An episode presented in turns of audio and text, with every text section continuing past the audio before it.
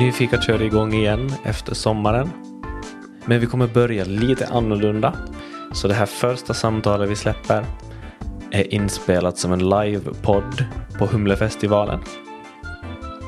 Det här finns inspelat som video, så om ni vill kan ni gå till Youtube för att se på det. Vi har länk här i beskrivningen. Passa också på att prenumerera på Youtube-kanalen där. Men vill ni lyssna på det här samtalet i ljud så går det ju naturligtvis jättebra. Det kommer här, varsågoda.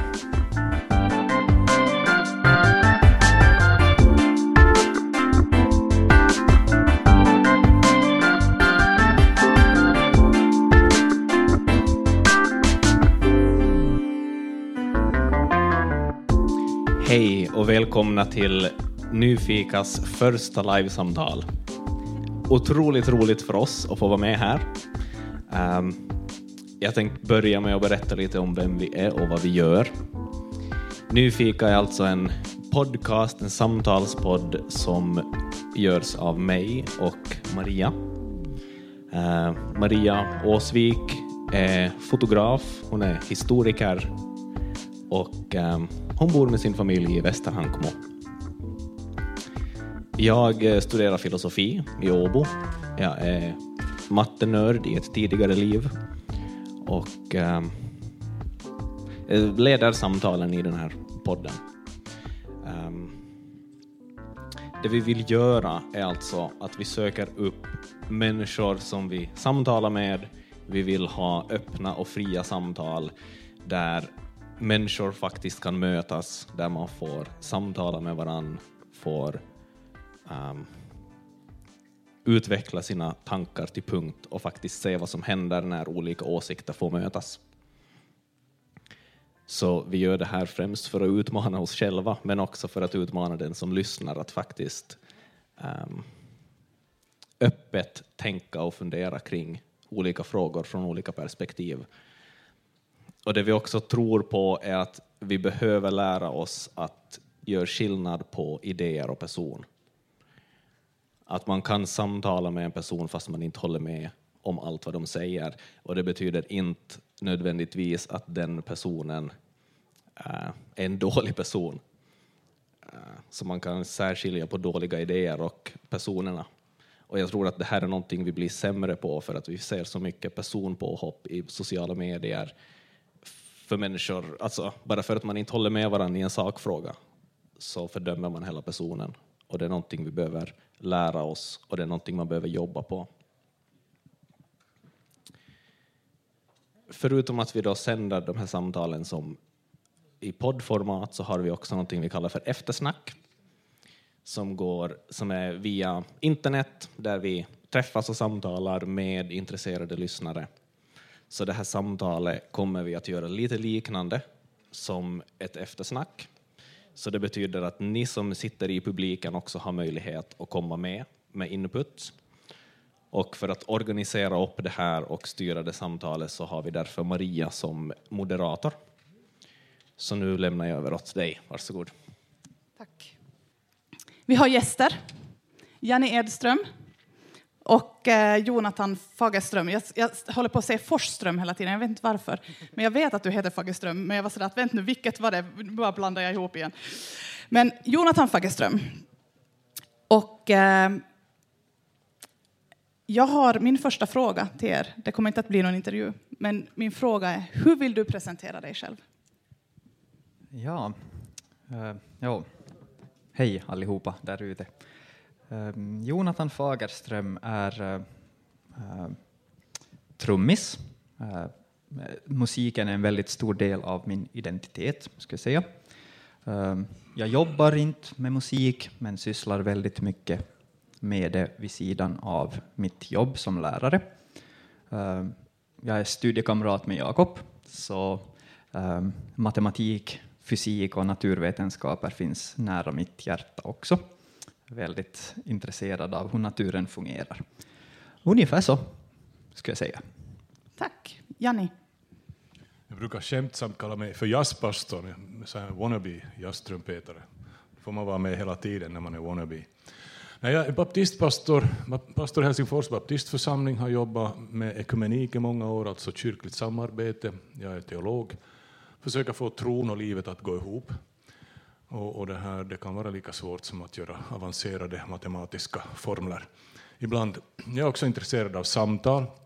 Jag har jobbat med biståndsfrågor, med, med religionsdialog och en hel del annat. Så att, eh, jag tror att vi ska nog hitta någonting att prata om här idag. Härligt. I vår podd så brukar vi börja med att dricka kaffe i början. Så det ska vi göra. Men först, eller så länge Jacke tar hand om det här kaffet här, så tänkte jag fråga bara att eh, vad har du för relation till kaffe? En mycket god relation. Den är ofta återkommande, en hållbar relation. Tyvärr så är jag ingen så här kaffenörd, så det händer allt som oftast att jag också sätter mjölk i kaffet. Men eh, senast idag så har jag faktiskt druckit två koppar kaffe utan mjölk, så att eh, jag kanske är på väg åt rätt håll. Okej. Hur är det med Jonathan? Uh, ja, uh, jag är ganska kaffeintresserad. Uh, tycker om att mala egna, egna bönor och brygga, brygga på olika sätt. Och, jobba, jobba med eh, espressobryggare och liknande. Så jag, ja, det, här, ja, det finns nog ett stort kaffeintresse skulle jag säga. Mm. Nice. Kul. Vad, vad är det vi dricker idag? idag dricker vi alltså bönor från Rwanda. Som det, det är rostat av Frukt Coffee Roasters som är vår sponsor. Um, här borde ni hitta noter av uh, vad heter det, krusbär och uh, vanilj. Får man sörpla i micken då man dricker? Jag vet inte.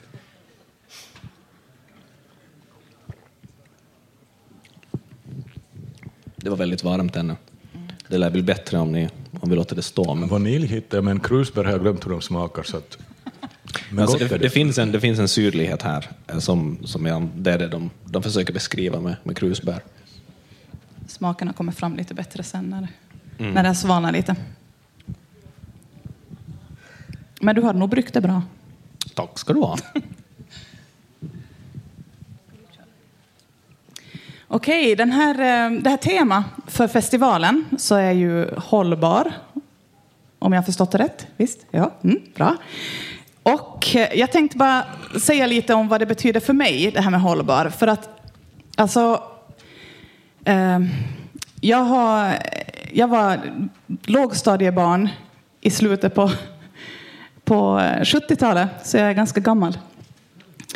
Um, och då var det alltså jättehårt tryck på att uh, berätta åt små barn att vi kommer inte att ha någon luft att andas när vi är vuxna. I alla fall när man bodde i Sverige.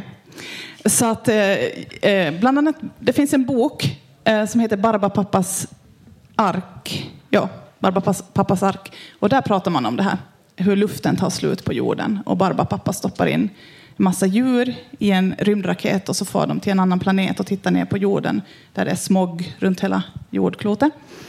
Eh, och jag var livrädd när jag var sju år att jag inte skulle ha någon ren luft att andas när jag blir vuxen. Jag trodde att vi skulle gå omkring alltså med, med såna stora gasmasker, vet ni, såna här, riktigt, inte någon sån här ansiktsskydd utan liksom stora tunga gasmasker för att vi inte skulle ha någon luft att andas. Ehm, jag vet inte varifrån luften skulle liksom komma genom det där. Alltså jag, men jag var rädd för det i alla fall. Det, låter inte logiskt nu. Men hur som helst, så min, min liksom det här, jag hade som klimatångest alltså när jag var sju. Det var min, min värld. Och jag och mina kusiner vi bestämde att vi skulle aldrig köpa bil. Vi skulle ta hästen till skolan. Och eh, vi hade någon teori om att vi får säkert knyta fast den där utanför butiken så länge vi är i skolan. Så här, det, det funkar inte riktigt, det förstår ni ju. Men um, vi hade väldigt hårda såna här funderingar på hur vi ska göra, för man kan ju inte ha bil, för att det är ju avgaser och sådär. Så jag har liksom det där i bagaget. Så nu när den här, den här vågen har kommit de senaste, vad det nu är, 10-15 åren, att det är väldigt mycket prat om att ta ner det här med bilkörande och sånt, så, så blir det nästan så här motreaktion för mig. För att, för att jag har haft klimatångest redan när jag var sju och det fanns luft att andas när jag, när jag blev vuxen. Så, så jag har lite sådär jag måste bearbeta det på ett annat sätt om vi säger så. Eh, men jag har alltid varit intresserad av det här att, att använda saker som inte man bara sliter och slänger. Så det har liksom alltid varit intressant. Men det jag i första hand tänker på när jag tänker hållbarhet så är faktiskt hållbara relationer. För det är som min, det är som min take på det här med hållbarhet. Hur vi är med varandra och hur vi får allt att funka. Och där ingår ju förstås klimatet och miljön och allting. Men, men hur vi behandlar varann, det är liksom hållbarhet i första hand för mig. Så vi har tagit den, den liksom approachen på inledningen på vårt snack idag. Vi tänkte att vi skulle utgå från det. Och då har jag ett eh, citat som jag har fastnat för av eh, Brené Brown när hon säger Choose discomfort over resentment. Alltså välj obekvämlighet istället för eh, förbittring. Ungefär så. Um, att det kan vara obekvämt att leva enkelt. Det kan vara obekvämt eh, att ta tag i olika frågor och göra en förändring på något sätt. Uh, men att det är bättre att göra det och kämpa med det än att bli bitter på saker. Än att liksom hålla saker emot någon annan. Och, och det är jätteviktigt i våra relationer. Och det är därför vi också gör de här samtalen. Att kunna få till de här samtalen, respektfulla samtal, möta människor. Och det kan vara obekvämt, så många gånger, obekvämt och nästan obehagligt ibland för att jag sätter mig i sådana situationer fast jag ibland oftast bara sitter och lyssnar. Att det blir sådär att men, ah, det här blir så konstigt. Och så sen blir det jättebra för att det är lugnt och respektfullt och jättesköna samtal. Um, och jag tror att det här är jätteviktigt. Att vi vågar ta den här obekväm, obekväma situationen och ibland nästan obehag av ämnen som man kanske helst bara skulle vilja gömma sig för eller att det är någon människa som har gjort någonting åt mig och så behöver jag ta obehaget av att gå och möta den här människan och reda upp det för att komma vidare. Men det är liksom så mycket bättre än att jag lämnar för mig själv och håller det där och sen är ledsen på någon. Så det finns så många nivåer i det här, tycker jag. Och då tänker jag att när jag säger en sån här grej, som att välja det här obehaget eller den här obekvämligheten istället för, för uh, uh, att vara bitter, eller för, förbittring. Jag vet inte, det är inte riktigt samma sak som att vara bitter, men ja, det, det finns inte något riktigt jättebra. Avsky kanske. Ja, hmm. No, men ni förstår, det är, det är många, många ord som kan samlas i det där. Uh, resentment. Uh, men vad, vad, får det er att tänka på? Om ni tänker liksom det här citatet och så kombinerat med att vi utgår från den här hållbarhetstanken. No, jag är ju själv mitt uppe i det här. Inte vet jag om vi, kan, om vi ska kalla det teologisk hållbarhet, men, men, men just det här att kan vi i, i, i mitt gebit, om vi kallar det så, men det gäller ju alla andra också som är kyrkligt aktiva eller inte ännu inte, eller inte längre aktiva. Kan vi ha olika åsikter i viktiga frågor och ändå tillbe, lovprisa, tillhöra samma församling, vara vänner? Det är, det här, det är, det här, det är den här stora utmaningen som, som jag tycker gäller kyrkor och samfund idag. Och det känns lite märkligt ibland när jag kommer från mitt yrkesverksamma liv från situationer där teologer kan ha diametralt olika åsikter och ändå föra väldigt respektfulla samtal och argumentera för, för, för sina ståndpunkter utan att det blir något disrespect eller, eller så här. Och, och, och det, här, det är någonting som jag har försökt ta med mig också i mitt eget verksamma liv. Men plötsligt så hamnar man i situationer när man blir ungefär teologiskt omyndig förklarad av människor som har en annan uppfattning än, än, än jag. Och då, då blir det lite märkligt. Och det här sker ju som, som du var inne på här, just på sociala medier, när vi inte sitter och pratar med varandra så här, utan vi sitter så här och tänker att nu ska vi få in en, en, en, det här, en punch här och en punch där och, och, och, och riktigt uttrycka oss så här otroligt fint och slagkraftigt och kanske en liten kniv någonstans. Och, och, det är det här som, som gör att att hela, hela klimatet blir väldigt infekterat, både inom kyrkor och kanske också mellan kyrkor. och samfund och församlingar när, när det, det finns då vissa frågor som är väldigt aktuella idag som, som gör att människor har olika åsikter. Och, och ibland så undrar jag vad, vad, vad är det som gör att vissa frågor är så väldigt mera infekterade än andra frågor. För jag menar, kyrkor och samfund och vi människor har varit av olika åsikter om det mesta sedan tidernas begynnelse. Adam och Eva var säkert av olika åsikter vilken färg äpplet hade, om det nu fanns något äpple. Men liksom så här att vad är, det som, vad är det som gör det här och hur kan vi föra tillbaka diskussionen till att det skulle bli ett respektfullt samtal också i frågor som berör oss så djupt så att vi verkligen engagerar oss? Jag menar, det är ju ingen, ingen, det är ingen, ingen, ingen svårighet att diskutera smaken på kaffe om inte man nördar in sig alldeles till mycket och tänker att nej, min, min sort är bättre än din. Men så här annars. Men, men sen när det gäller andra frågor så, så då, då blir det väldigt, väldigt jobbigt och väldigt svårt. Och det där, sådana här samtal, tack för det, så kanske skulle hjälpa oss att, att orientera oss ur den här dialogkrisen eller, eller, eller krisen med det respektfulla samtalet. Ja. Ja, så lite in på samma, eh, samma tanke också. att att eh, om dialogen är skriven bara så förlorar man väldigt mycket nyanser och en diskussion så är betydligt mera så där dynamisk än, än skriven text. Att man kan förtydliga om saker behöver förtydligas så här direkt i kommunikationen med andra. Och det är inte lika lätt att omformulera ett textinlägg, eh, för då har någon redan kanske tagit åt sig någonting som man inte menar eller, eller så här. Så det är betydligt mer dynamiskt att sitta och, och diskutera och eh, kunna använda gester och ansiktsuttryck och hela, hela spektret av kommunikation än bara den där skrivna texten som ofta kan missuppfattas, tror jag. Mm. Jag tänker ju att det är intressant att tänka på det i termer av det citatet för att vi jag tror vi är ganska bekväma av oss och det är ganska lätt att gömma sig bakom en skärm. Uh, gömma sig bakom att skriva. Uh, och, att vara, och att vara anonym. Ja, då dels det, men, men också alltså jag tror att det finns någonting i, i det där kommunik alltså kommunikationen via text och via skärmar som känns bekvämt. För att jag märker ju med mig själv, fastän jag nu är en sån här som söker upp samtal, men om jag ska kommunicera någonting bara enkelt med telefon med någon av mina vänner eller eh, behöver veta att jag får information fram så skickar jag ofta ett textmeddelande fast det många gånger skulle vara mycket lättare att ringa. Många gånger mycket lättare att faktiskt prata så att man vet att man får rätt respons. Och det är ju som en liten sak jämfört med sen att sitta och diskutera eh, djupa och viktiga personliga frågor. Du skickar ju faktiskt åt mig och inför det här samtalet. Du ringde inte åt mig. Mm, jag hade Jacke. inte ditt telefonnummer. men, men, men, Maria, du ringde åt mig. Vi, vi ja, alltså, jag ringer. Ja. Det, alltså, det är något alltså, ja, alltså, det är en jättestor skillnad liksom, ja. i så här bara hur man har växt upp, generationsskillnad mellan ja. oss två. Ja. Alltså det, det är enormt stor skillnad. Jag, jag tycker att det, man tappar jättemycket om man bara textar.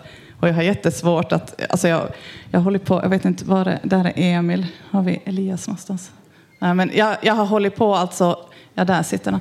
Jag håller på att tjata på dem alltså. Jag vet inte om ni, hur mycket ni har stört er på det, men tjata på dem att, ja men ring, skriv inte, bara ring. Ring och red ut, då får du höra svaret direkt och då vet du att man har liksom fått din information. och så får man reda ut om det är någonting. Att skickar man den där meddelandet så, så kan ja, men jag ett meddelande men jag kanske inte har sitt där. så det blir så, man tappar som så mycket tycker jag. Jag måste bara säga 20 minuter efter att jag skickade åt Jonathan fick jag hans nummer så jag kunde ringa. Tack. Ja, du ringde sen, ja. Men är det enbart användning av telefoner, sociala medier som har bidragit till att, att eh, liksom kommunikationen är mera skriven hela tiden? Att eh, från sms till, uh, liksom, uh, vad har vi sen, MSN, uh, liknande, eller, och forum och så vidare. Att är, det, är det bara digitalisering och teknologi som har gjort att människor bara skriver åt varandra för tiden? Svar ja. Jag är helt ja. övertygad om att det är bara det. Och sen, sen har det påverkat. jag kommer ihåg på den tiden när vi ännu pratade i telefon med varandra. Sen kom e-posten och då plötsligt så slutade telefonen att gå och ringa. Mm. Eller så här mycket mindre. Så nu när man blir kontaktad så här via, så här via jobbet och yrket så, så då är det ju mest bara e-post. Sällan är det någon som ringer upp. När de ringer upp så ringer de kanske från någon, eller ringde, från, från någon tidning eller liksom ville ha något utlåtande om någonting, att hur, hur är det nu när kyrkorna grälar, vad har, vad har ni att säga om det? Eller, eller nu, nu det här som det var då efter 9-11 så ringde de från presidenten, presidentens kansli och ville, ville veta hur, hur sköter religionerna sina inbördes relationer i landet och så vidare. Så att, då var det lite panik. Men, men, annars så går det mesta nog så här snyggt via e-post och så försöker man ju då hinna svara. Tror ni att det då beror på, på något sätt att vi... Jag menar, det är ju inte bara teknikens fel. Det måste ju vara någon, någonting i oss som gör att vi... Är det det att vi inte vågar möta varandra eller är det det att vi blir liksom lata på något sätt, att det är bara lättare. Jag tycker inte att det är lättare att skriva ett mejl, men, men att vi på något sätt tänker att ja, men då får jag bara säga mitt och så behöver jag inte höra på vad den andra säger. Eller...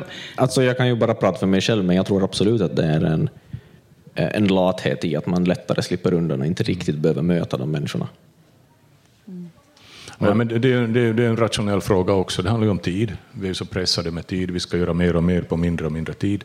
Så då är det lättare att skriva 15, e, en e-post åt 20 människor mm. än att ringa upp alla de där 20 människorna till exempel. Ja, om det, är, om det är flera. Men nu tycker jag man kommer snabbare framåt också i ett sam, med ett samtal. Inte vet Absolut. Jag. Man får mera sagt än det, att det måste jag. skriva det. Jag tycker det tar längre och, att och vänta skriva. på svar. Och, ja. ja. och sen är det ju paradoxalt nog så, eh, till exempel ett, ett eh, alltså ett eh, en situation från, från vardagen här. Och om man ska söka kejkor till exempel, eh, så kan man skicka mejl hit och dit. Inte är det någon som svarar på de där mejlen. Det är, det är ett mejl av hundratals som kommer till festivaler eller, eller vad som helst. Eh, eller bara om man söker nu lokalt. Går man in och pratar så är det en helt annan grej. Och nu känns det som ett seriösare försök också för, för den som är arrangör, att man har gått in och sagt hej, jag heter det här och det här, vi har ett band, vill, vill ni att vi ska spela här? Mm. Så jag vet inte, paradoxalt nog så får man mera gjort om man går in och, och har den där diskussionen eller det samtal. Mm. Mm. Detsamma gäller ju med alla eh, människor som söker jobb också. Mm. Att det är mycket större chans att man får ett jobb om man går in personligen och pratar, pratar med människor än att bara skicka mejl som drunknar i högen av mail. Sen är det nog situationsbundet det där också. Det är klart, vill man ha ett jobb så då, då ringer man, men vill man, vill man nå människor med samma information så då skickar man e-post. Mm. Det, det, det, går bara inte att ringa. Så att jag skulle nog säga att, att, att man, man, vi, vi har ju liksom tiotals olika sätt att ta kontakt med varandra, så då gäller det liksom att optimera kontakten. Att vilken, vil, vilket sätt funkar bäst i den här situationen? Mm. Och, och, och det här då märker jag till exempel att WhatsApp funkar inte att ha några långa diskussioner med för att då går ju fingrarna sönder i längden. Men, men, men e-post kan man ha en bra diskussion med tycker jag. Uh, kommentarsfälten i, i det här Facebook är kanske inte de bästa. Men, men allra bäst är det förstås att, att ha den här så, så, personlig kontakt som möjligt, vilket medium det än handlar om. Mm. Bäst är det att åka hem till någon och prata vid köksbordet. Mm om man vill, om man vill verkligen komma någonstans. Mm. Vi har faktiskt valt att, att göra podden hela senaste säsongen fast det var så svårt att, att få till med coronasituationen. Och så här, att vi vägrar att göra det via Zoom, de här samtalen, utan vi, vi, har, vi har farit till Helsingfors och träffat folk. Och, och ja, vi, har, vi har liksom träffat de som har varit okej okay med att vi faktiskt träffas helt ansikte mot ansikte. Men det här, det här, det här kommunikationen, det gäller inte bara mm, liksom individer emellan, det gäller ju också till exempel under, under coronapandemin församlingars sätt att jobba. Man kan ju fråga sig, har vi någon församling efter corona, för vi har aldrig träffats, vi har inte träffats på två år kanske i vissa församlingar, speciellt i södra Finland där det har varit ganska, ganska tufft att, att det här får samlas. Så att jag, jag har inte sett min församling på väldigt länge. Och vi hade en friluftsgudstjänst här, här i början på sommaren utomhus. Och, och det, det, var liksom så här, wow, tänk, det finns faktiskt på riktigt. Det är inte bara så att vi har haft Zoom-gudstjänster eller någonting liknande. Så, så det här, nu, nu, nu tror jag att vi alla märker av hur viktigt det är att, att få träffas på riktigt fysiskt. nu efter, efter den här tiden, då, då, då tror jag att det, det är minst lika viktigt att, att vi tar fasta på det och skapar möten som känns på riktigt och inte konstlade. Just med tanke då på, på coronatider, alltså för att jag är ganska ändå, fastän jag ser de där problemen med tekniken och eh, ser problemen med hur vi kommunicerar, så är jag väldigt mycket teknik, teknikoptimist. Och, eh, och jag har en tanke kring det här åren med corona, att på något sätt tror jag att i slutändan kommer det ganska mycket bra ur det för att vi lär oss att använda den teknik vi faktiskt har. Alla har tvingats lära sig det och man söker nya vägar att göra teknik, eller använda tekniken på. Eh, det tror jag är helt positivt. Um, ja, men vad, vad, tänker ni om det? För att ni har ju ändå kanske stött på det i era yrken. Då. Mm. Jag tänker spontant på det här att eh, vi har ju skippat resandet. Om man tänker på koldioxid, koldioxidutsläppen så har de säkert minskat ganska, ganska mycket för att, för att folk reser ju inte eh, ner till Helsingfors mera till exempel härifrån Österbotten, utan man, man, möts, man möts via skärmen. Och, och också mina, mina kollegor på kyrkostyrelsen där jag jobbar deltid, så, så där, vi har ju mötts via skärmen en till två gånger i veckan och så här. Och det, det, det gör ju då att det blir liksom det, det blir mer hållbart på det sättet. Så att, jo, jag tror att tekniken hjälper oss att använda, att använda tiden också smart. Men, men det, det blir ju, det blir ju liksom, när man har Zoom-möten då, fem per dag, så blir det ju inte de här naturliga pauserna mellan mötena, eller det här korridorsnacket, där egentligen det viktigaste Nej, händer. Absolut. Vad har du för reflektioner om lärarjobbet? Eh, jag skulle säga att, att det har nog kanske... Det finns nog mycket som kommer att stanna kvar där också. Att, att, eh, eh, till exempel det här att, att eh, fast vi nog inte har varit jättelånga tidsperioder i, i vår skola på distans, så det kommer att lämna kvar att, att om någon är bara annars sjuk i en grupp, hemma på grund av flunsa eller, eller vad det nu kan vara, så är det ju otroligt enkelt när alla kan. Man kan lägga på stream om personen i fråga eh, har några krafter och frågar att kan, kan jag hänga med via, via någon no programvara, så det är bara att knäppa på det. Att det som inte då kan man ändå ta del av det där stoffet och så vidare. Sen skulle jag säga också att man har känt sig ganska uppskattad som lärare också för att uh, den, eh, jag skulle säga att alla studerande så är överens om det, att, att distansstudier är skräp och att man vill mötas, man vill mötas med kompisar, man vill ha möten och samtal med läraren.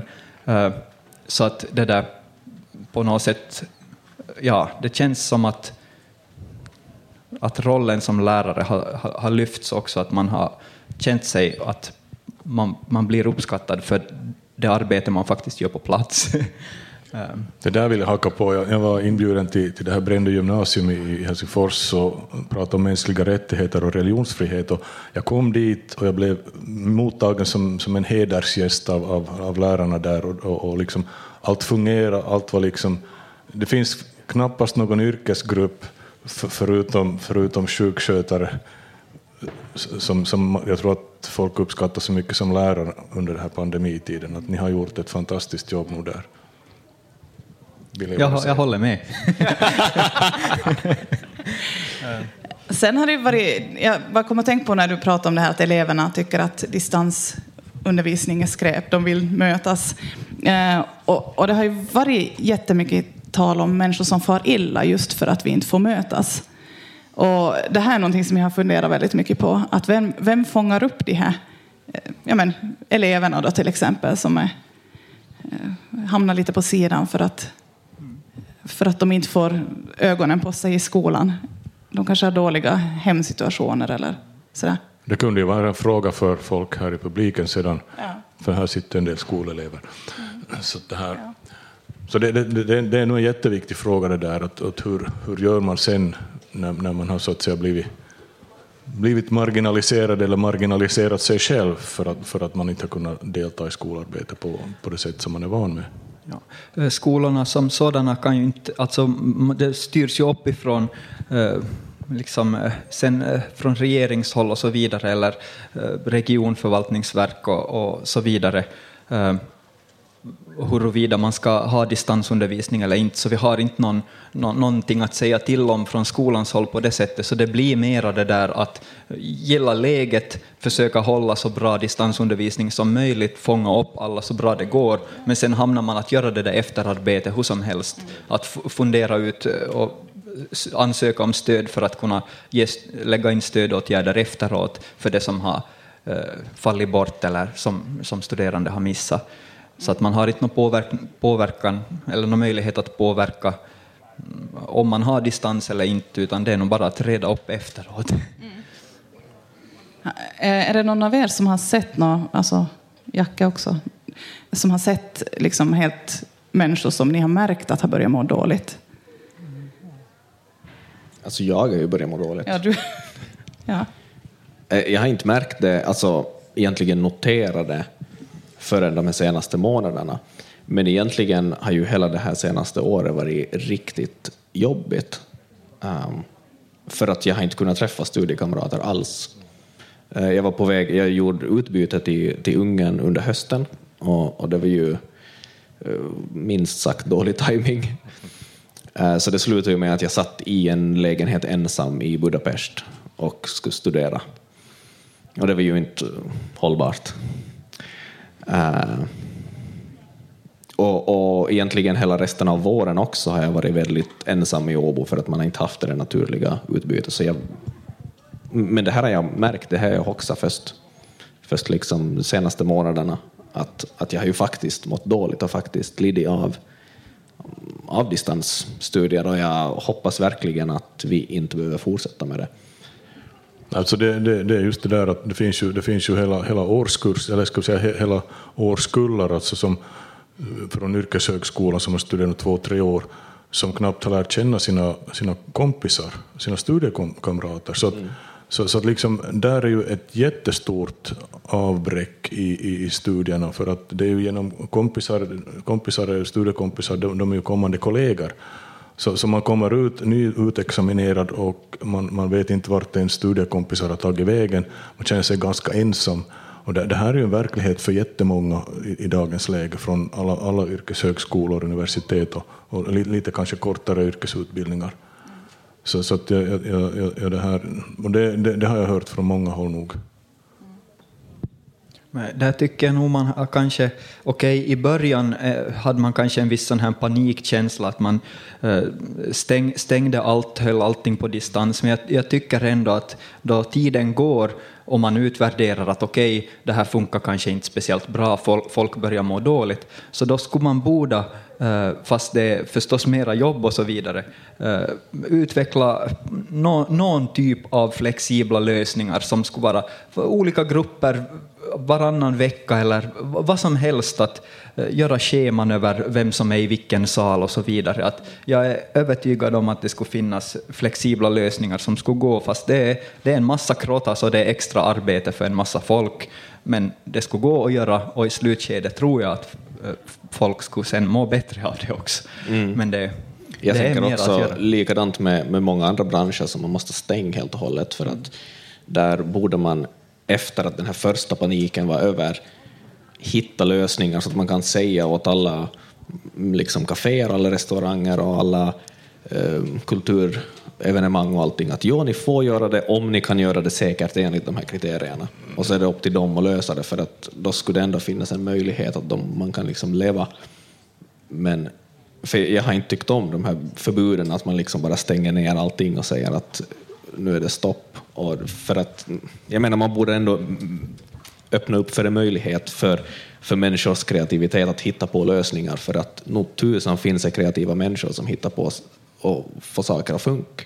Jo, alltså det är det att man, man, det är att när man börjar kategorisera aktiviteter, så att på Kaserntorget i Helsingfors till exempel, där satt människor och drack kaffe hur mycket som helst. Men skulle man ha en föreställning där, så var det bara sex personer. som, som, fick, som, fick sitta där på torget, där människor annars satt och drack kaffe, för då blev det ett kulturevenemang. Och kulturevenemang hade helt andra regler än, än att sitta på ett kafé och dricka kaffe. Så den, den här typen av, av, av skillnader i de här restriktionerna så har gjort folk väldigt frustrerade, så att hela kulturbranschen är i en ganska stor kris just nu. Ja, nej, men nu, den här sommaren har jag också jobbat på, på restaurang och nu när det börjar komma olika restriktioner på nytt så hade vi någon förening som kom in och var liksom fundersamma och frågade att ja, att nu börjar det kanske bli sån här begränsningar på hur många man får träffas på nytt, men att i restaurangen så får ni ju fortfarande kunder, så kan vi göra på något sätt så att liksom föreningen kan komma till er och äta mat så att vi kan ha sammanträden, för att om man bara har det som som föreningssammanträden så kanske man inte skulle få. Det, som, det blir ju som väldigt, väldigt absurt. Men vi får använda vår kreativitet och försöka komma runt de här reglerna kanske och kalla det någonting annat, liksom, just så här som du var inne på. Ja, nej men visst. men alltså, jag tycker att man borde nog inte glömma bort mänsklighetens innovationsförmåga. För att vi är nog väldigt fiffiga bara vi får en chans. Jag är ganska optimistisk. Eh, ja, du är det. Eh, jag, eh, jag börjar fundera på en grej. Jag vill komma in lite på en sak som jag har i bakhuvudet hela tiden. Ehm, jag, jag funderar på det här med liksom utan, utanförskap, att man känner sig utanför. Eh, så det, det borde ju liksom vara så att det på ett sätt blir förstås då ännu värre om situationen är så här som den har varit. Eh, och sen tänker jag att också det här som vi pratade om i början, att man att det är så lätt att bara skriva saker, att man hackar liksom på varandra på internet.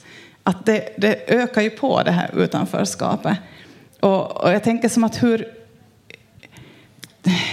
Det känns som att vi har som så stor grop på något sätt att hämta oss därifrån om det, om det faktiskt är så här. Men jag vet inte om det är så. Det kan hända att vi har klarat det bättre än vad jag än vad jag tror. Jacka är mera optimist än, än vad jag är. så sådär att, att vad händer med alla de här människorna som färdigt har liksom känt sig som på sidan om på något sätt. Och sen hamnar man liksom i det där att man har distans till varandra så det är jättelätt att bara slå på någon. Liksom. Sådär. Mm. Förstår ni vad jag menar?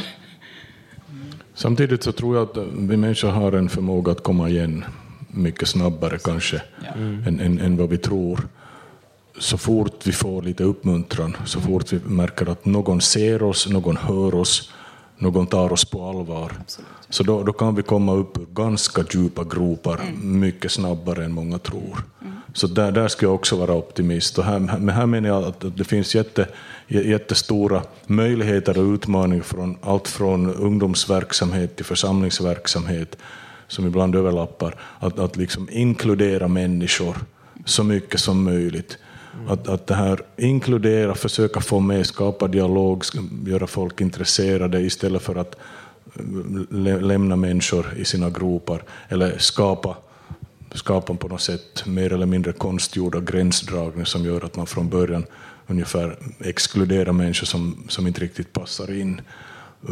Utan jag menar, vi behöver bli mer mänskliga. Alla människor passar in någonstans. Jag tror att det är vår uppgift att, att ge det budskapet vidare. Att, att, att, att vi passar in tillsammans. Jag menar, det byggs pussel där och alla pusselbitar passar inte i alla, alla, alla de här tomma rutorna. Men, men alla pusselbitar passar någonstans. Och jag tror att det är vår uppgift som människor att hitta, hitta de där ställena där vi passar in tillsammans.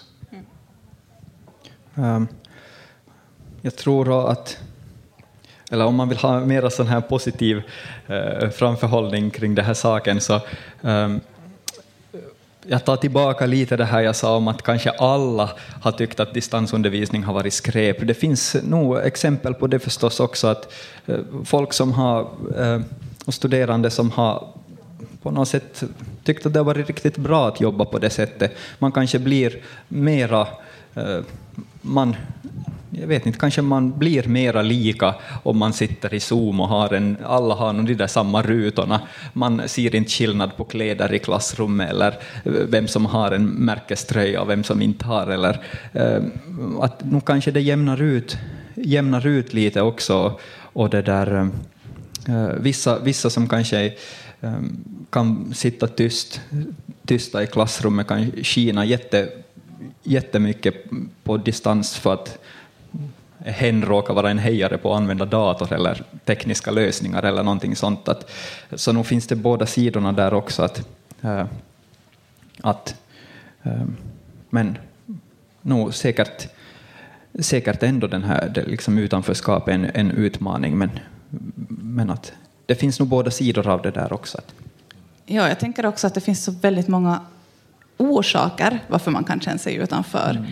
Och det finns så väldigt mycket äh, saker som kan bero alltså också på, på en själv och vad man själv har för attityd. Jag vet att, att jag har haft jättemycket sådana äh, problem när jag var yngre.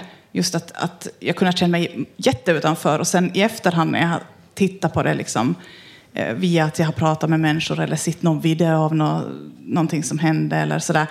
Så jag sådär att, alltså, varför, varför tyckte jag att jag var så utanför? Vet ni? Så den där, på något sätt, kampen man har inom sig själv så kan ju avgöra också väldigt mycket. Som du sa, att, att vissa, vissa har tyckt om den där, den där distansundervisningen för att någon sida med dem kanske har kommit fram som de annars har känt sig udda och utanför.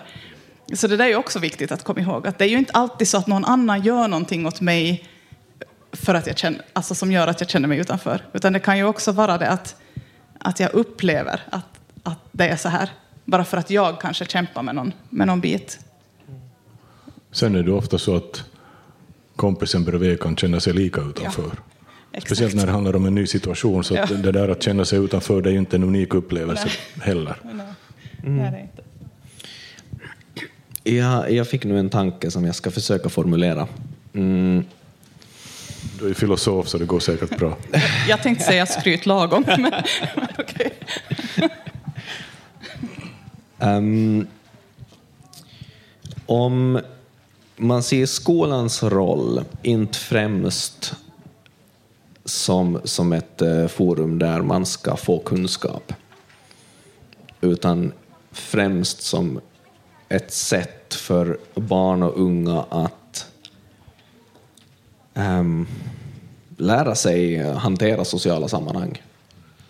Um, tvingas liksom nötas med varandra och se hur det sociala samspelet egentligen funkar.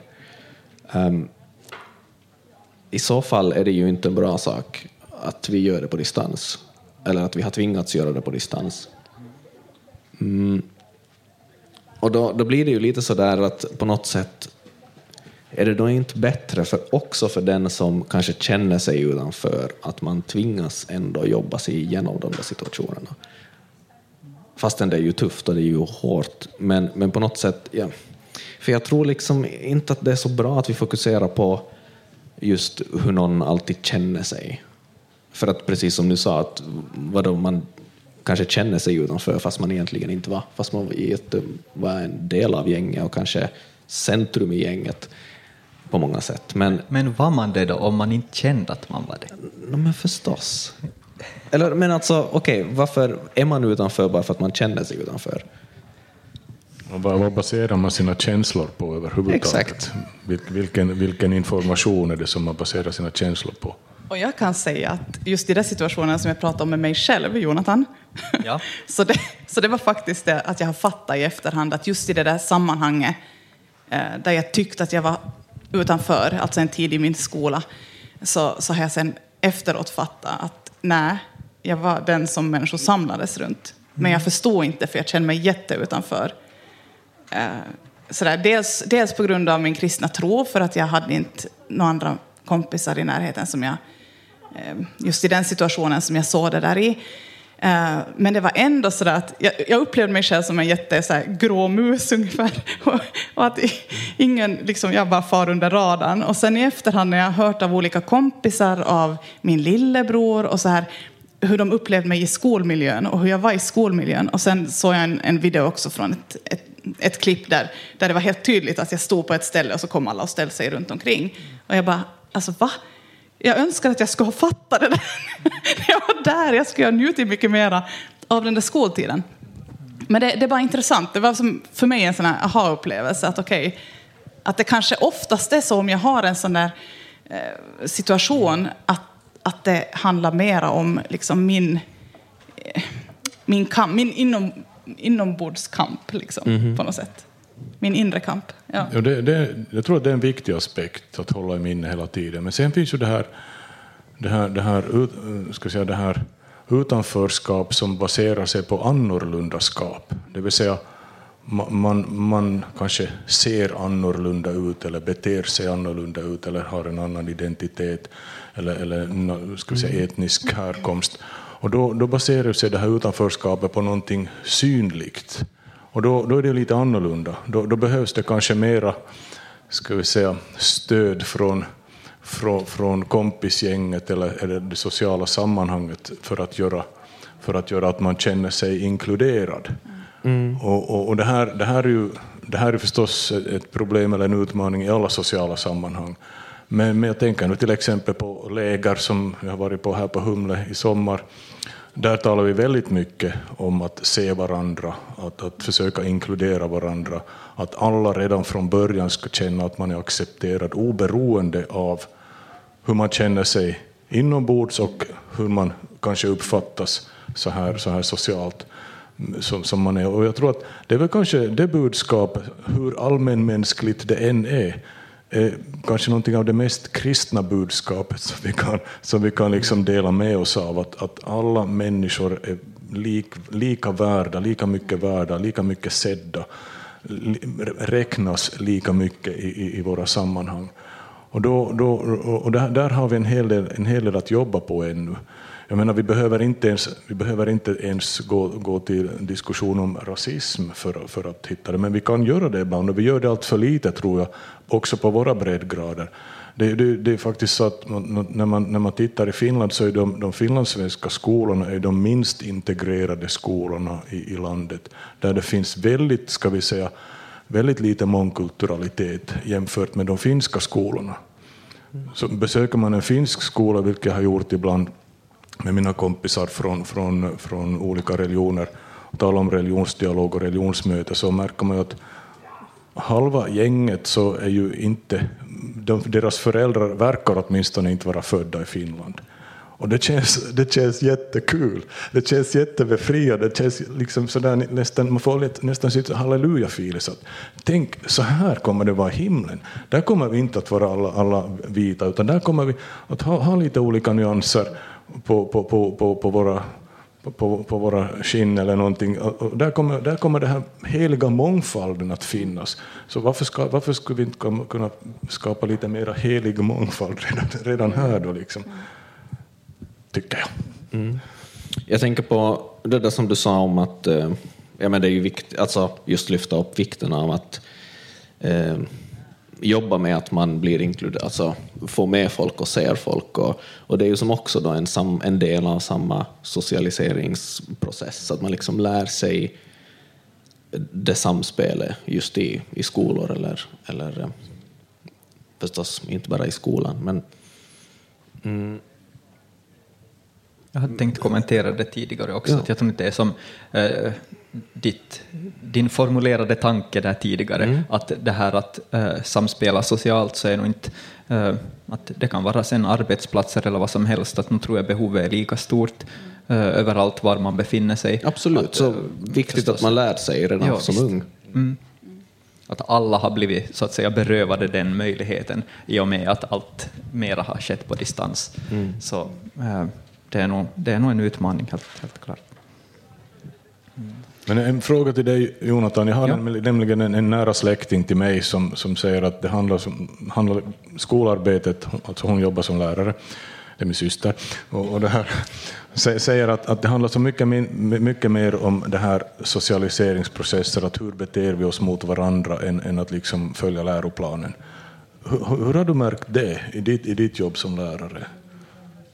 Jag, jag har jobbat på två olika stadier. Jag har jobbat på eh, 79 i början av, av mitt eh, yrkesverksamma liv och senare också på, eh, på gymnasiet. Jag skulle säga att det, det är ganska stor skillnad också. Det finns likheter förstås, men, men det är mera, mera kanske människomöten och socialt, eh, eh, socialt samspel och att, att jobba på det sociala på till exempel 7 till 9. Eh, kanske lite mera ämne, ämne och, och liksom, mm, som på gymnasiet. men att nu, nu skulle jag säga att var du än är lärare så är nog din främsta uppgift att möta de där människorna. Och sen att ämnet är sen, eh, nåja, det finns nog med där också, men att, att liksom, eh, oavsett så, så är nog de här människomötena och, och Eh, att möta folk på hållbart sätt och bara finnas där och prata om någon behöver det eller är utanför eller så vidare. Att, eh, att vara de där eh, ska vi säga, de där trygga vuxna som finns där för att, att liksom möta, möta de här unga människorna en dag då de är glada eller då de är ledsna eller vad som helst. Att finnas nu där, vara den som lyssnar eller bara finns som bollplank sådär annars. Eh, jag tror att vi ska se om det är någon i publiken som har lust att komma med något inlägg. Jag vet inte, har ni, har ni somnat? är det någon som har några funderingar om det här som har kommit fram? Alltså, ni får fortsätta att prata om ingen vill säga någonting, så det, det är okej. Okay. Men om det är någon som vill säga någonting så kan ni komma hit bredvid den här kameran här någonstans. Så, så, kan, så kan ni ta mikrofonen.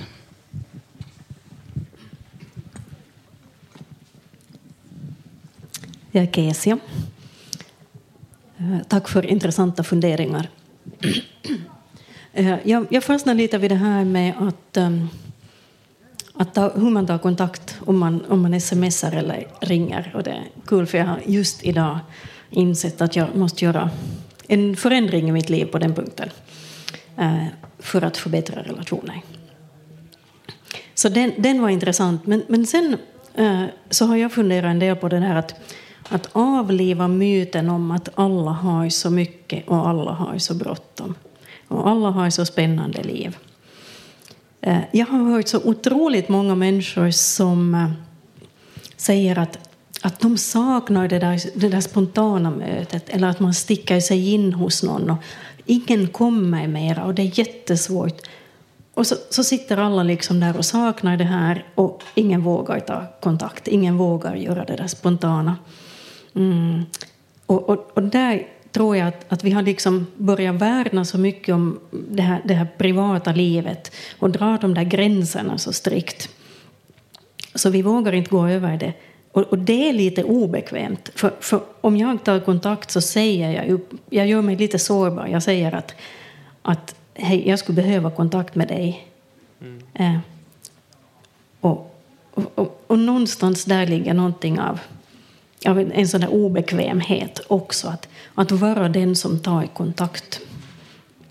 För, för jag kan garantera att vi har alla människor runt om oss som sitter där och önskar att någon skulle ta kontakt. Och vi kanske sitter själva och önskar att någon skulle ta kontakt. Och, och liksom lite utmana oss, eh, både mig själv och andra, att, att ta det där steget och ringa och, och liksom för en stund skippa den där tanken att no, men de har säkert något annat. Eller um, hon springer säkert på kaffe med en massa folk, att vad skulle hon vilja komma med mig? Tack Essia. Någon som vill kommentera? Annars kan jag. Eh, det här, det här är ju ett jättebra sätt att förbättra livet för någon. Att man faktiskt, ja men alltså, så länge man är sådär att man, att man kollar, att man inte bara trycker sig på. För det finns ju förstås också människor som inte alltid är så eh, ivriga på att få besök och sådär. Men, men att bara det att man får frågan eller att, att man kommer och kollar att passar det att jag kommer in på kaffe.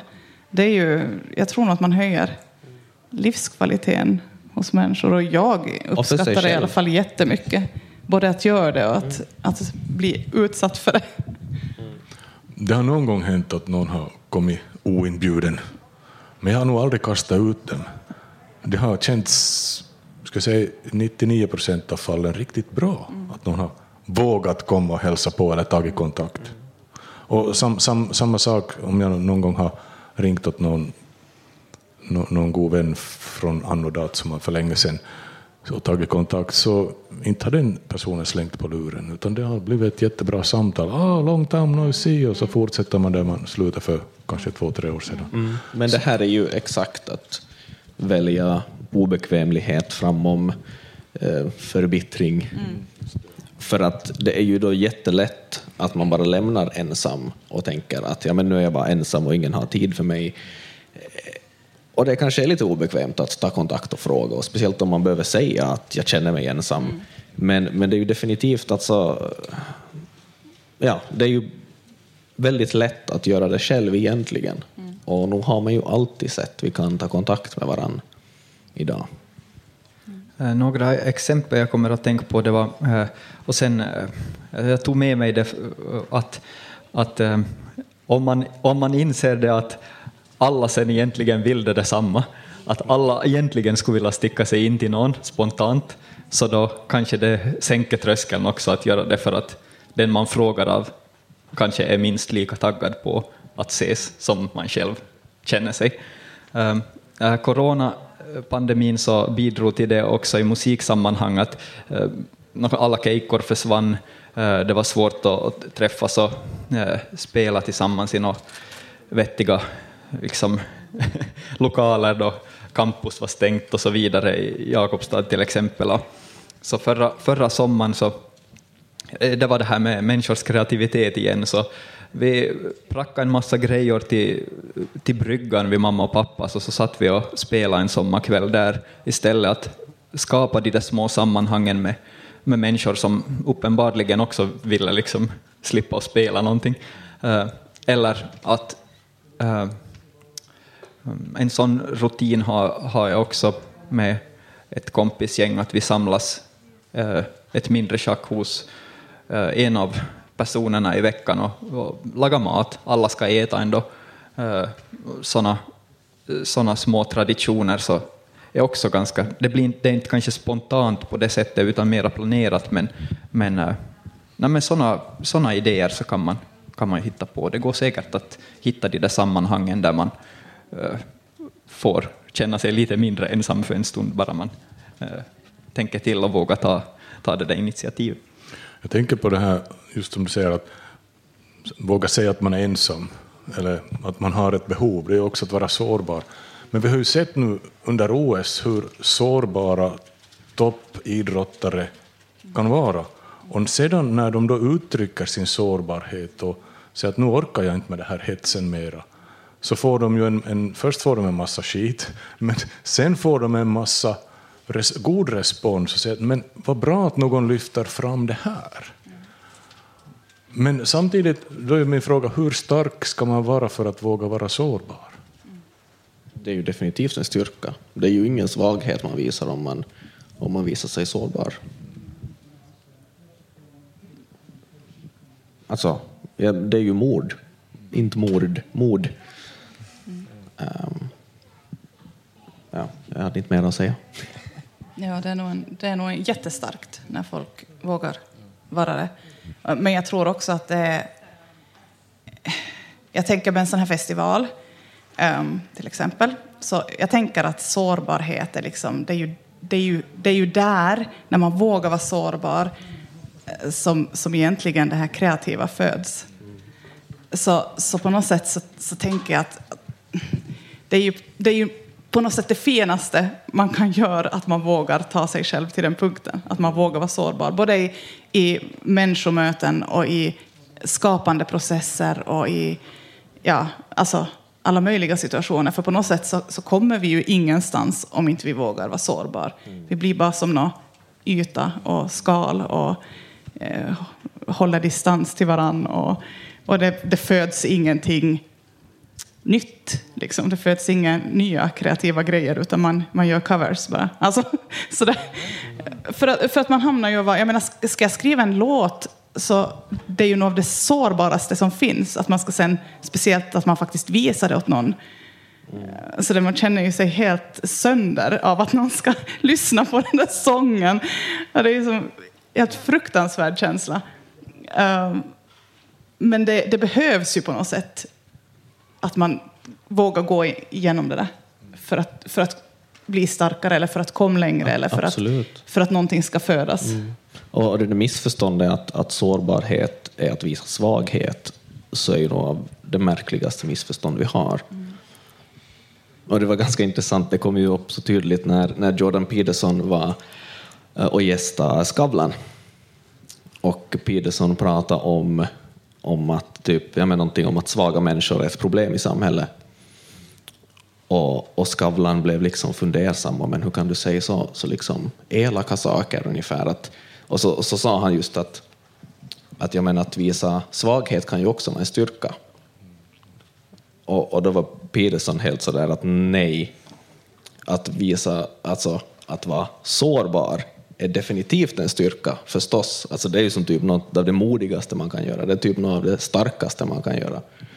Men det är som, vi, vi har de där begreppen helt och hållet förvirrade och jag tror att det är ganska besvärligt och det ställer nog till det för att men, men okej, okay, men det, för att om man ska visa sig sårbar, det känns ju jobbigt förstås. Och det känns ju som att man medger någon typ av nederlag.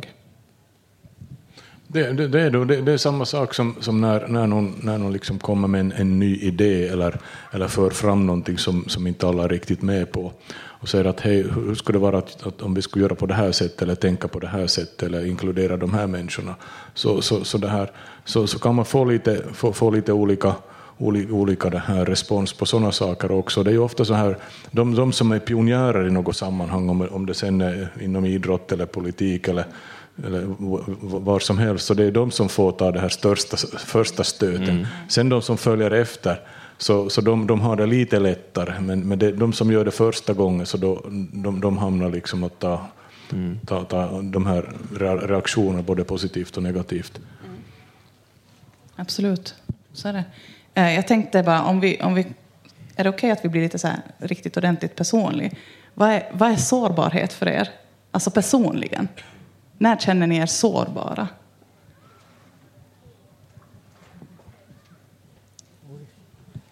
Ja, nu får det djupt. Mm.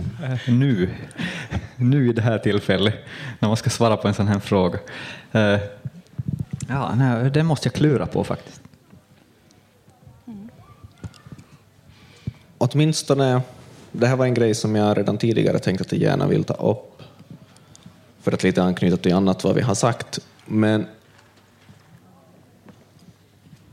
ganska ofta i sammanhang där jag sitter och pratar med folk, nu, nu låter det kanske konstigt med tanke på att jag gör den här podden, men så känner jag mig väldigt ofta utanför och väldigt ofta som att jag inte har en plats i samtalet och väldigt ofta som att ingen kommer vilja lyssna på vad jag säger. Speciellt om det är alltså flera än två pers som är med i samtalet.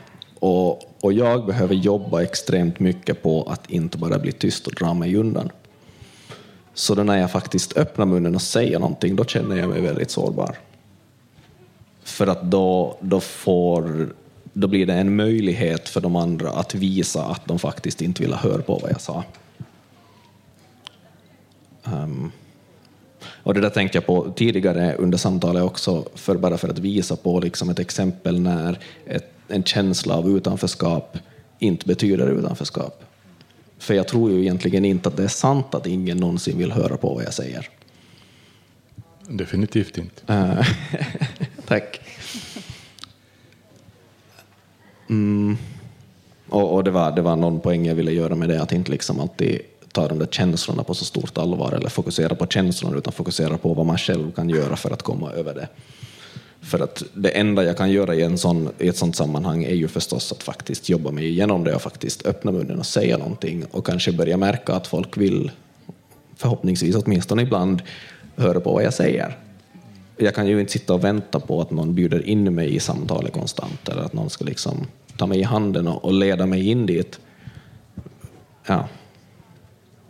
Men då känner jag mig sårbar. Mm.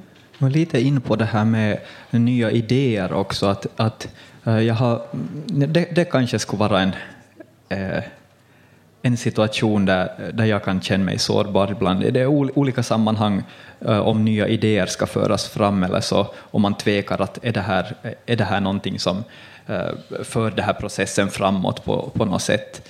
Um, men oftast, oftast om man uh, har jag märkt, om, om, jag, om jag bara är liksom ärlig och säger så som alltså någonting som är jag, om jag är mm. ärlig mot mig själv och, och på något sätt för fram en tanke som, som känns som att det, det är verkligen jag tycker så här. Så då, eh, jag vet inte, då, då, är det ändå, då är det ändå på något sätt åtminstone ärligt mot mig själv. Eh, och eh, då, känns det, då känns det ändå kanske lite, lite som att, eh, jag vet inte, att det kan, den där tanken eller idén kan åtminstone accepteras för sin egen skull, eftersom det åtminstone var ärligt mot mig själv. Mm. Så här att. Men gör det att du känner dig mer sårbar, eller att du känner dig mera som att då spelar det ingen roll vad någon annan hur det tas emot, för att du vet att, att det var ändå det du står för, det, kan, det var ändå du? Ja, det, det, kanske handlar om liksom att äga det där valet mm. som man gjorde. Att, att jag, jag kanske tvekade i början på om jag skulle föreslå den här saken eller göra den här saken eller inte, men jag, jag äger det där valet, jag står upp för, för det där valet som jag gjorde, och sen, okej, okay, var det ingen bra idé eller om jag blir kritiserad för det, så då, då får man ta sen konsekvenserna av det på ett, på ett, eh, liksom, nej, på ett ärligt och vuxet sätt. Sen då, men att man åtminstone var ärlig mot sig själv och, mm. och tyckte att man kan äga det där valet och stå för det. Mm. Så då, ja.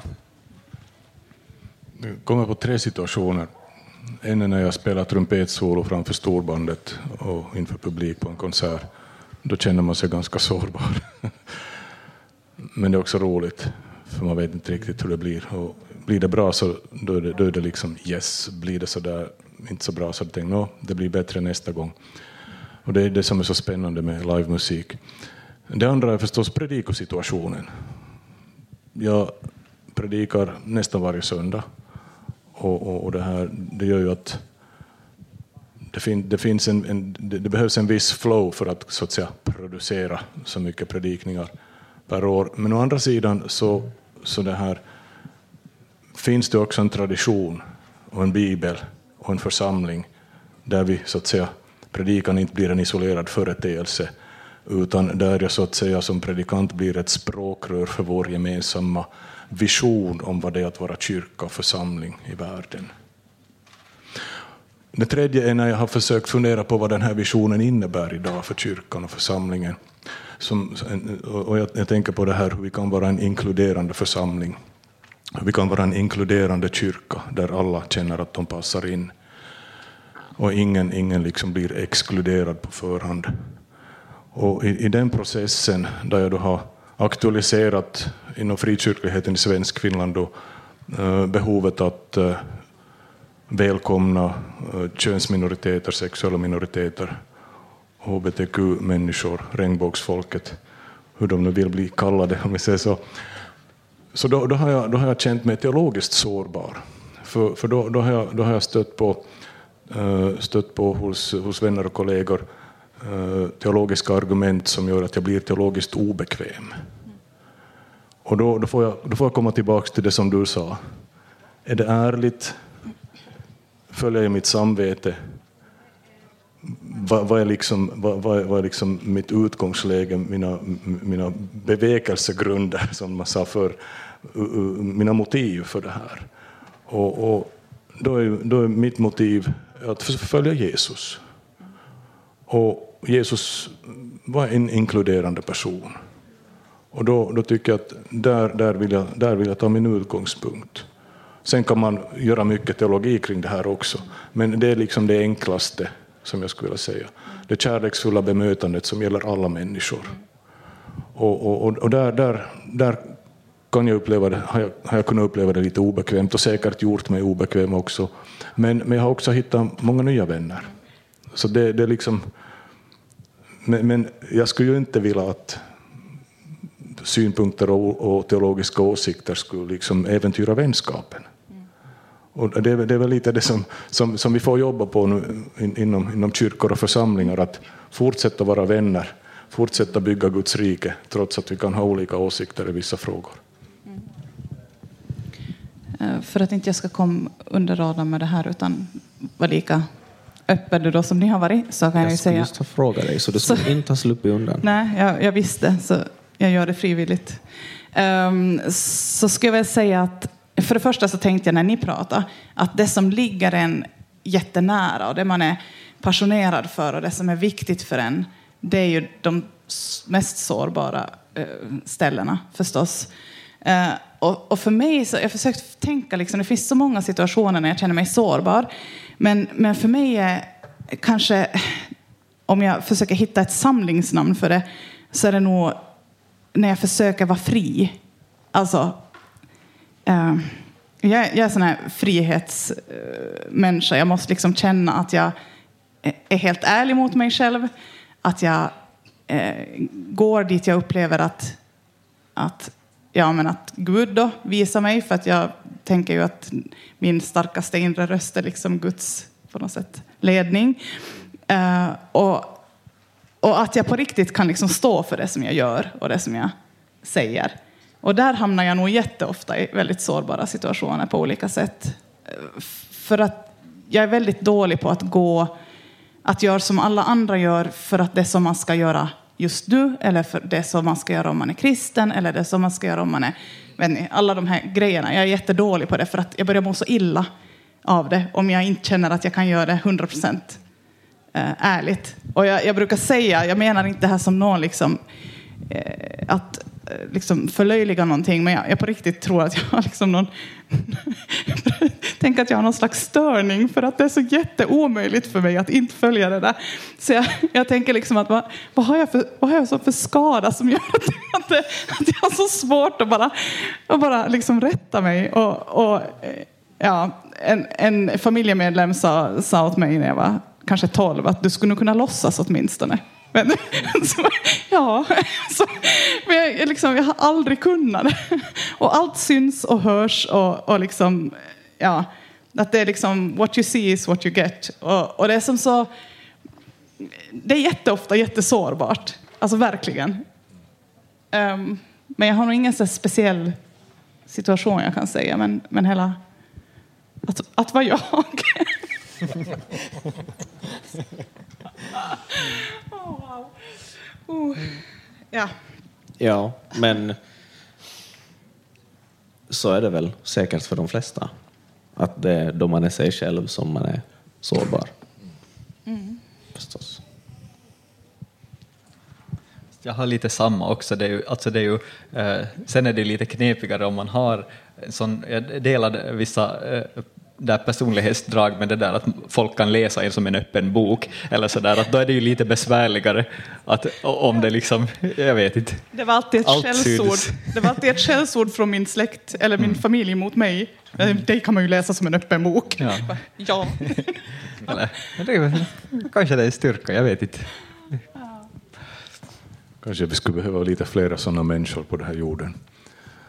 Där, där det inte skulle vara så enkelt att gömma sig bakom straight face eller stiff upper lip eller någonting annat. Kanske. Hörrni, jag vill bara säga att, till er som lyssnar att det är fortfarande så att om någon vill säga någonting så kan man komma hit så ser vi att ni vill säga någonting och bidra. Men ingen... Det är väldigt Press. roligt att det kommer input Ja, sådär, ja, alltså, det är eh, jättekul. utifrån. Alltså, Det är jättekul. Det, det, eh, det, Men, eh, men ingen press alltså. Skoj. Inte för att jag, liksom, jag, är inte, jag är inte trött på er eller någonting sånt, men, men det är kul med input. det är kul med input eh, Absolut. annanstans ifrån. Alltså hållbarhet, min, min input på hållbarhet är ju då någonting helt annat än det du börjar med. För att jag, jag jobbar nu med Ekumeniska ansvarsveckan så vars tematik är hållbarhet och, och där, där knyter vi väldigt mycket an till Bibelns skapelseteologi och FNs Agenda 2030 som är en sorts eh, sekulär bibeltolkning av, av skapelseberättelsen att vårda denna jord. Och, och, och, och det, men, men det är ju inte, det är ju inte liksom jag ser, jag, ser, jag ser ju inte det som någonting som skulle, ha, som skulle stå i motsats till att vårda våra relationer. Det är bara att se att våra relationer är ju inte bara till våra medmänniskor. Våra relationer är till skapelsen, till djuret, till gräset, till träden, till allt, allt som, som finns. Och, och här, här, här tycker jag det, det skulle, vara, skulle vara en intressant utmaning att, att liksom höra lite mer vad naturfolken säger om deras syn på skapelsen.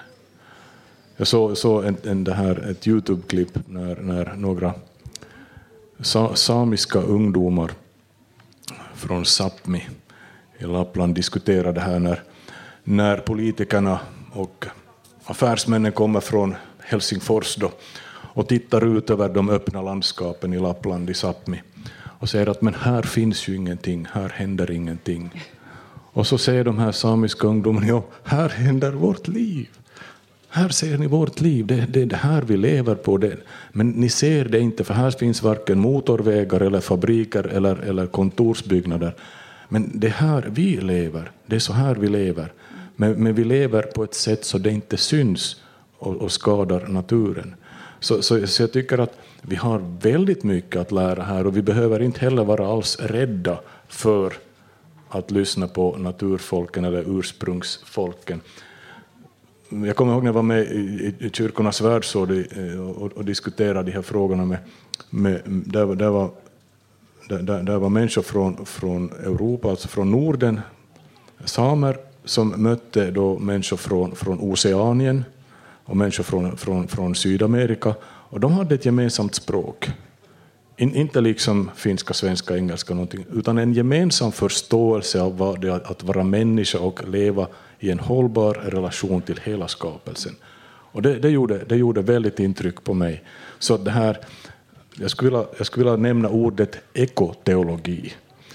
Det finns inte så många ekoteologer i Finland, men de som finns är värda att läsa och lyssna till, för att de talar just om den här relationella förståelsen av vad det är att vara människa i skapelsen på, på ett hållbart sätt. Så att en, en liten utmaning till, till oss alla att bekanta oss lite med det. Jättespännande också att folk eh, och traditioner som har funnits före folk kunde mm, prata och ta sig till olika delar av världen ändå har samma budskap i grunden. Att det är extremt intressant tycker jag också. Nu vill jag på nytt försöka formulera en tanke eller tänka högt. Det här är någonting som jag har haft i mitt huvud lite grann en tid men aldrig riktigt lyckats formulera vettigt, så att vi får se nu. För att du sa... Du sa det du tog upp det där med hållbarhet att, att du ser ju inte att det står i kontrast till att liksom tänka på hållbarhet i relationer och, och så.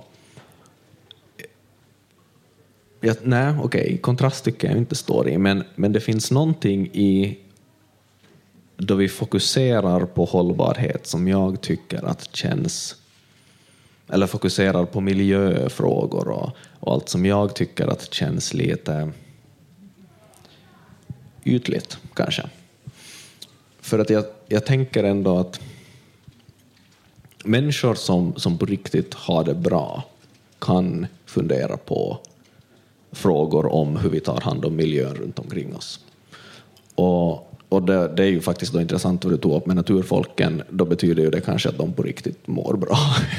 att de på riktigt har Eh, ett, en livsstil som, som de mår bra av. Och det, kan ju hända att vi har missat någonting i, i det fartfyllda väst. Men, men det gör som för mig att, alltså bara okej okay, en sån sak att då om man får någon slags ekonomisk stabilitet så att man inte längre måste tänka på exakt varifrån man får mat hela tiden och all ens energi går att fundera på hur man får mat på bordet åt sin familj. Då har man också möjlighet att tänka på, på annat runt omkring och på miljön eller och så vidare. Så jag tror också, och jag tror att det är samma sak med alltså bara människor som faktiskt mår bra på något sätt.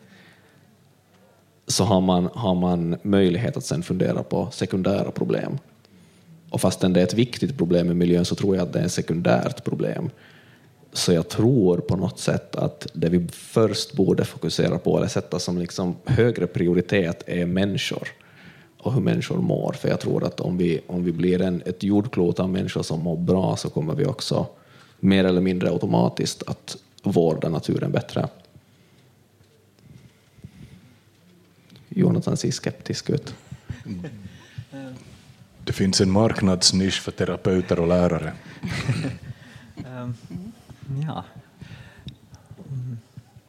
Jag, jag, jag, jag, vet inte riktigt. um, Ja.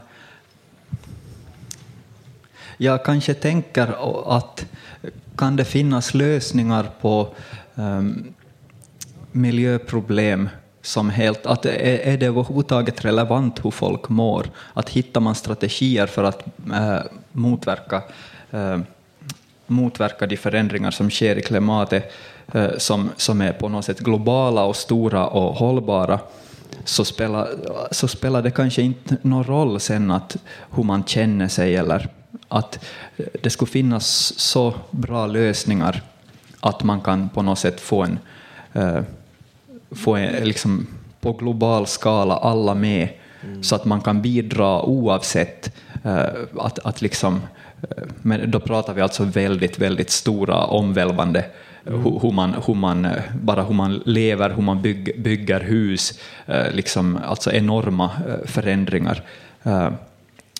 Men att, att kanske det finns ändå stora lösningar som, som vi inte har upptäckt ännu som helt frånkopplar det, människors mående från, från det här. Det tror jag nog att det kan finnas. Mm. Och, och jag, jag, uppskattar ju all typ av input och, och, reaktioner för att det är som sagt någonting som jag försöker formulera. Mm. Men jag tror ändå, okej okay, om, om jag då frågade lite annorlunda, att om vi då har de här stora lösningarna mm. och om man har system för att hantera det. Men människorna i grunden har inte möjlighet och kapacitet att fundera på saker som rör miljön eller som rör saker utöver deras eh, närmaste när, liksom, närhet. Kommer det då att spela någon roll? Jag menar om vi har jättebra system för att hantera sopor, men folk orkar inte bry sig, så man bara slänger skräp hur som helst. Så jag tror Menar du för att, att de mår för dåligt alltså? Att, ja. att det är det som gör att de inte orkar? Kanske. Ja. Alltså, ja. Jag tror att vi ska föra in ett annat begrepp här nu till ordet hållbarhet och det är ordet hoppfullhet. Mm. Och det, finns ju, det finns ju någonting, åtminstone i den kristna tron, som är hoppfullt. Och det är inte bara hur historien slutar, märk väl. Så som i himmelen, så och på jorden. Jag tror att, att, att, jag tror att om vi säger så här, jag tror att himlen börjar här och nu. Jag tror att vi sprider Guds rike här och nu genom hållbara lösningar, genom, posit, genom positivt tänkande, men inte på en, inte på en mentalt uh, ytlig nivå, utan ett genuint hoppfullt tänkande som är grundat i, i, i den bibliska tron om en Gud som, som vi sjunger i det här Negro Spiritual, He's got the whole world in his hands. Och jag, jag, tror någonstans så tror jag på det fortfarande. Och jag tror också att, att Gud har gett ansvaret för den här världen till oss. Men någonstans tror jag att när vi fallerar så ser, ser skaparen till att naturen också kan återhämta sig när den inte längre utsätts för skadlig påverkan. Och det är ju fascinerande att se hur snabbt vissa ekotyper kan återhämta sig när de inte längre är förgiftade eller utsatta för whatever. Så, så jag, tror att, jag tror att vi, vi, kanske kan medverka till att få bort en liten del av den här klimatångesten genom att tala om hoppfullhet.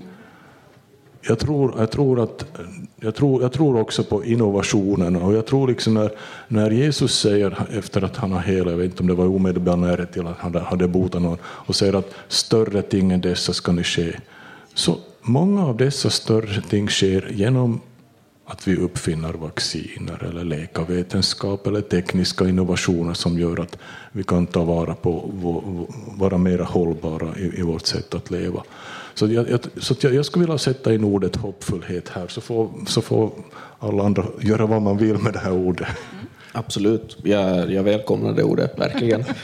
uh, för att jag, jag tycker inte om att vi fokuserar så mycket på skam, eller att vi fokuserar så mycket på vad vi inte ska göra, vad vi ska dra ner på, vad vi ska låta bli att göra istället för att fundera på faktiskt liksom lösningar och se framåt och, mm.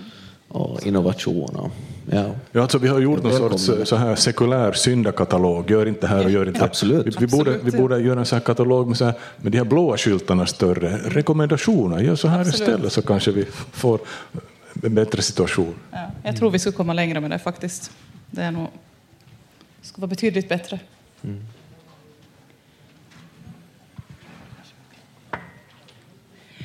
Nu börjar vår tid snart vara slut.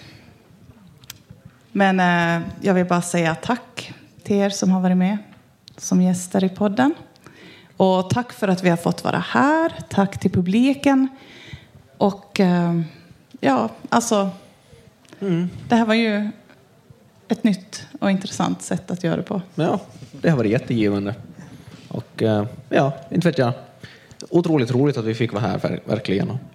Och jätteroligt att ni ställde upp och samtalade med oss. Tack för att du fick vara med i Nyfika. Så vill jag bara säga att ja, ni kan hitta podden på, på alla sociala medier, eller inte alla, men på Facebook och Instagram, på nyfikapodden. Och ni får jättegärna gå in och eh, dela då vi sätter upp nya grejer där och kommentera, engagera er i samtalen.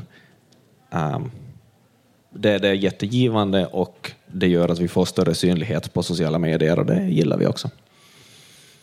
Det där lät narcissistiskt.